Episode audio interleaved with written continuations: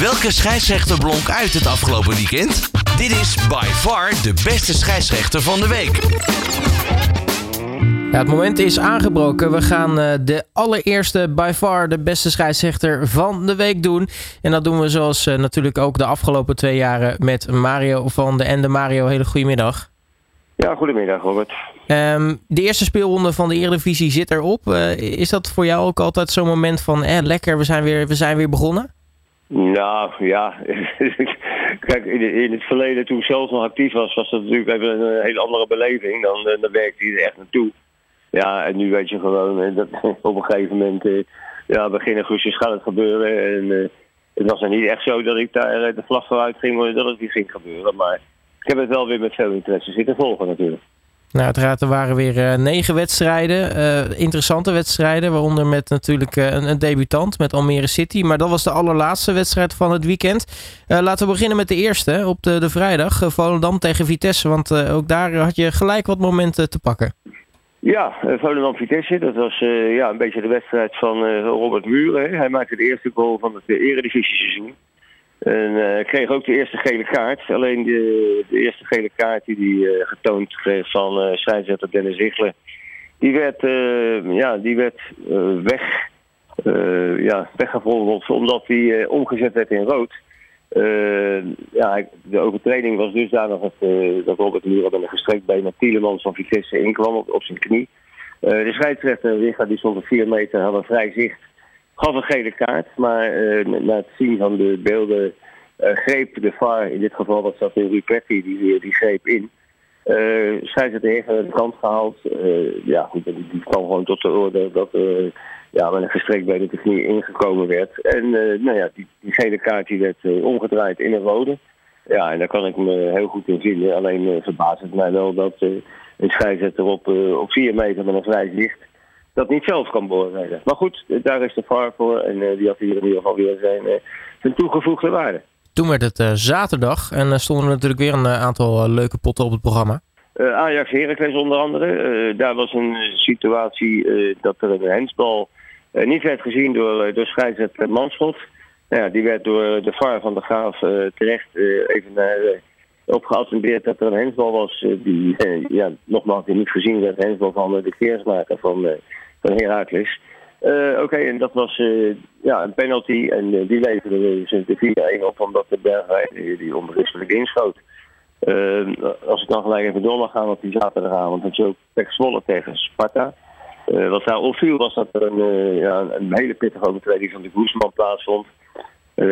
vreemd genoeg, maar ja, dat is ook een keuze van de redactie van van de sportprogramma's zag je die niet in de, in de herhalingen van de, van de wedstrijden. Maar het was dan een overtreding van de Guzman, uh, pittig.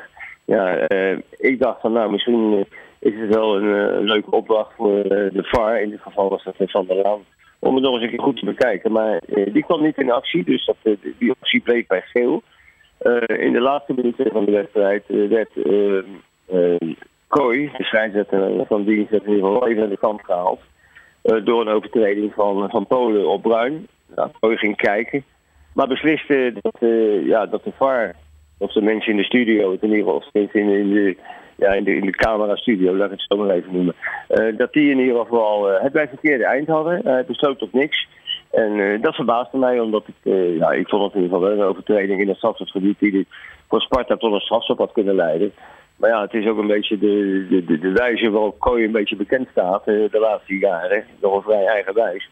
Uh, ja, en dit bevestigt eigenlijk het beeld dat hij ook weer tegen het advies van die VAR inging. En uh, nou ja, goed, dat, de twee, ooit dat de drie punten van Sparta, die raakten in ieder geval niet in het, in het geding, omdat ze niet echt toch wonnen. Maar ja, de uitslag had toch iets hoger kunnen zijn als de penalty was toegekend en gescoord zou zijn. Nou, met jou goed, uh, dan gaan we gelijk met een dag verder naar, uh, naar Feyenoord tegen Fortuna Sittard. Ja, want was dat nou een strafschop of niet? Uh, nou, volgens de VAR in ieder geval niet. Maar uh, vooraf gegaan is er natuurlijk ook nog een, rode kaart situatie geweest van, van Bart Nieuwkoop. ja, die, die kwam met een, ja, door een, een pittige tackle van achter op de Achillespees van, van Cordoba van Fortuna Sittard terecht. Diepering gaf geel. VAR Manschot greep in, want die vond het een uh, in ieder geval een rode kaart. En uh, nou goed, Diepering die ging naar de kant. nou, moest dus in de Kuip uh, Nieuwkoop wegsturen. ja, en hij, hij, maakte al niet zo'n hele, hele sterke indruk tot die, tot die rode kaarten incidenten. Maar daarna was hij volgens mij helemaal de weg kwijt. En dat, dat zag je onder andere ook nog een keer met een situatie van de spits van Fortuna Sittard Gladon. Die de fijne verdediger Hartman wegduwt. Dat je daardoor alleen op de uh, Bijlo uh, afgaan. Een overduidelijke overtreding voor iedereen in het stadion. En iedereen op, uh, ja, op beeld. Alleen voor de scheidsrechter van die niet. En dan, ja, dan, dan zie je gewoon zo'n man helemaal, ja, wat ik eerder zei, toch een beetje de weg kwijtraken. ja, dat, toen dacht ik van, zijn we hier nou echt blij mee in de eredivisie? En dat zag je dus ook, wat jij dus ook nog even aangaf, met een penalty, ja of nee. Uh, de verdediger Gut van, uh, van Fortuna Sittard, die maakte een overtreding op Jiménez. Ja, het was heel dicht bij de, de lijn van het strafschopgebied. maar goed, hij gaf een penalty en een gele kaart. En, ja, en, en toen kwam ook weer in ieder geval de VAR op de lijn dat de overtreding dus net buiten, ja, buiten het strafschopgebied was gemaakt. En dan zie je dus ook dat, ja, dat die scheidsrechter dan gelukkig in ieder geval wel uh, dat overneemt. Maar nogmaals, de wijze waarop het ging, dat maakte geen sterke indruk.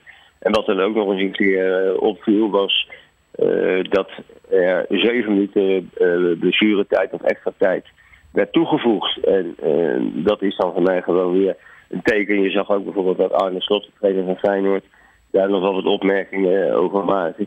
Ja, en dat blijft natuurlijk ook natte vingerwerk. Eh, hoe precies die, eh, die tijd wordt bijgeteld. En ja, dat verbaast mij nog steeds. Want ik, eh, ja, ik heb dat ook een paar keer gezien bij de WK voor vrouwen. Dat je dan zie af en toe ineens 14, 15 minuten erbij komen. Dan denk ik, ja, wie houdt die tijd bij? En ik, ik denk alleen maar dat dat weer een goed voorbeeld is dat we zo snel mogelijk naar effectieve speeltijd toe moeten. En dan ga ik gelijk ook even bij de wedstrijd van NEC tegen Go ja, daar werd, misschien, daar werd ook elf minuten bijgeteld. En dat ze ongetwijfeld zijn redenen hebben. Ja, maar dan zie je dus ook dat, er een doelpunt gemaakt wordt na 100 minuten. Ja, en, en nogmaals, uh, die staat die, die zuivere speeltijd en die, en die toegevoegde tijd. Dus nogmaals, eh, dan breek ik nogmaals van dans voor uh, het zo snel mogelijk invoeren van de effectieve speeltijd. Ook in de uh, zondagwedstrijden was er nog uh, AZ tegen Go Ahead Eagles. Uh, mm-hmm. Daar maakte Pavlidis, die maakte 2-0. En daar was volgens mij toch wel een heel sterk buitenspelluchtje aan, te, aan te zien. omdat, omdat voor de doelman van Go Ahead gehinderd werd door, een, door een medespeler van Pavlidis. Je zag wel een aantal spelers van, van Go Ahead Eagles protesteren. Maar ja, Makkeli die, die buiten alles weg. Uh, net zoals hij de overtreding uh, later in de wedstrijd van Douwe Poku wegbuigt het, in het stadsgebied. nou ja, goed, ja, kwam in ieder geval de VAR. In dit geval Alex Bos, kwam ja, toch even op het oortje binnen bij hem om toch even te gaan kijken. En toen was het heel duidelijk dat die, die strafschop die de vier opleverde in ieder geval terecht werd toegekend. Nou goed, en dan had je het ook nog even over een debutant, Almere City. Die speelde dus tegen FC Twente. Dat was een rode kaart. Het gevolg van twee keer geel voor uh, Van Brugge van, uh, van Almere City. Ja, dat waren gewoon twee overduidelijke gele kaarten. Dus wat dat betreft was er niks, niks over op te merken. En ja, dat was natuurlijk een, een extra zwart randje. Niet alleen de nederlaag, maar ik heb begrepen dat ze de Almere in ieder geval een geweldige happening hebben gehad van, van het debuut. Nou ja, goed, en dan ja, is het dan even jammer dat het een beetje omziet dat door een in ieder geval in dit geval terecht de rode kaart. Nou, dit was uh, voor mij een beetje het, uh, het afgelopen weekend op arbitraal gebied, uh, Robert. Nou, dan rest ons natuurlijk nog één ding: de cijfers. Wie is de beste scheidsrechter van het seizoen? Dat bekijken we eerst per week. Dit is by far de beste scheidsrechter van de week. Met Mario van den Ende. En voor deze week, Mario, niet één, niet twee, maar drie beste scheidsrechters van de week. Ja, omdat uh, Koezebejoek, Nachtegaal en Lindhout uh, ja, nu het hoogste scoorden. Dus uh, ja, dan heb je, dan gelijk een trio wat op kop gaat. En ja, als je dan toch praat over de top, dan hebben, laten we dan ook gelijk even het ja, Dieperink. Die, die zag heel erg in de kuip door het ijs. Dus die, die, die kwam gewoon met een, een goede onvoldoende weg daar. En dat is ja, dan, dan mag je toch wel eventjes achter je horen komen hoe die daar presteerde. Ja, en hij staat volgens mij ook niet opgesteld voor uh, volgende week. Want als we uh, nog even snel die lijst erbij pakken, wat zijn de dingen die jou opvallen? Uh, nou ja, goed is dat, uh, dat door de week naar een voorronde Champions League gaat. Bij Sparta Praag tegen Kopenhagen. Dat, de eerste wedstrijd was 0-0, dus dat, dat betekent dat hij nog wel even aan, aan de bak kan daar. nou ja, naar volgende week toe, als je de, de rode kaart even meeneemt, die we net ook besproken hebben, dan zie je dat Nieuwkoop, Muren, van Feyenoord en van Volendam allebei uh, twee wedstrijden langs de kant staan. En uh, Damien van Brugge van Almere City dan die twee gele kaarten in ieder geval één competitiewedstrijd is geschorst. Ja, en volgende week staan er toch wel weer een paar mooie affiches in de op het programma. Vitesse PSV, die staat onder leiding van, van Bas Nijhuis. Nou ja, goed, het, uh, dit is natuurlijk een veel besproken scheidsrechter die, uh, ja, waar we vorig jaar natuurlijk ook al regelmatig zagen dat hij zijn eigen regeltjes uh, toepaste.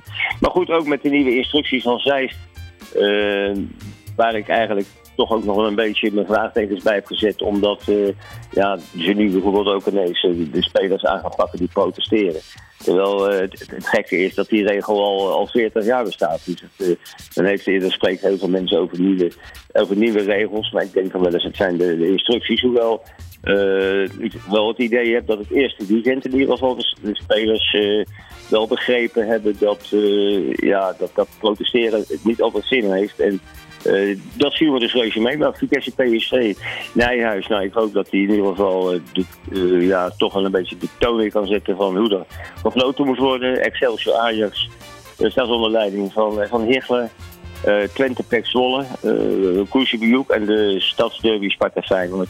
Die wordt gefloten door, door Makkeli. En nou ja goed, we gaan het zien volgende week. En de kop is eraf. En, en laat, en laat de scheidsrechter zorgen dat in ieder geval uh, hun waarde getoond wordt. Waardoor uh, het niveau ook van de Eredivisie een beetje kan stijgen. Nou, laten we dat uh, hopen inderdaad. Mario van den Ende, hartelijk dank natuurlijk weer voor je tijd. En spreek je volgende week weer. Oké, okay, tot volgende week Robert. Dit is by far de beste scheidsrechter van de week. All Sports Radio.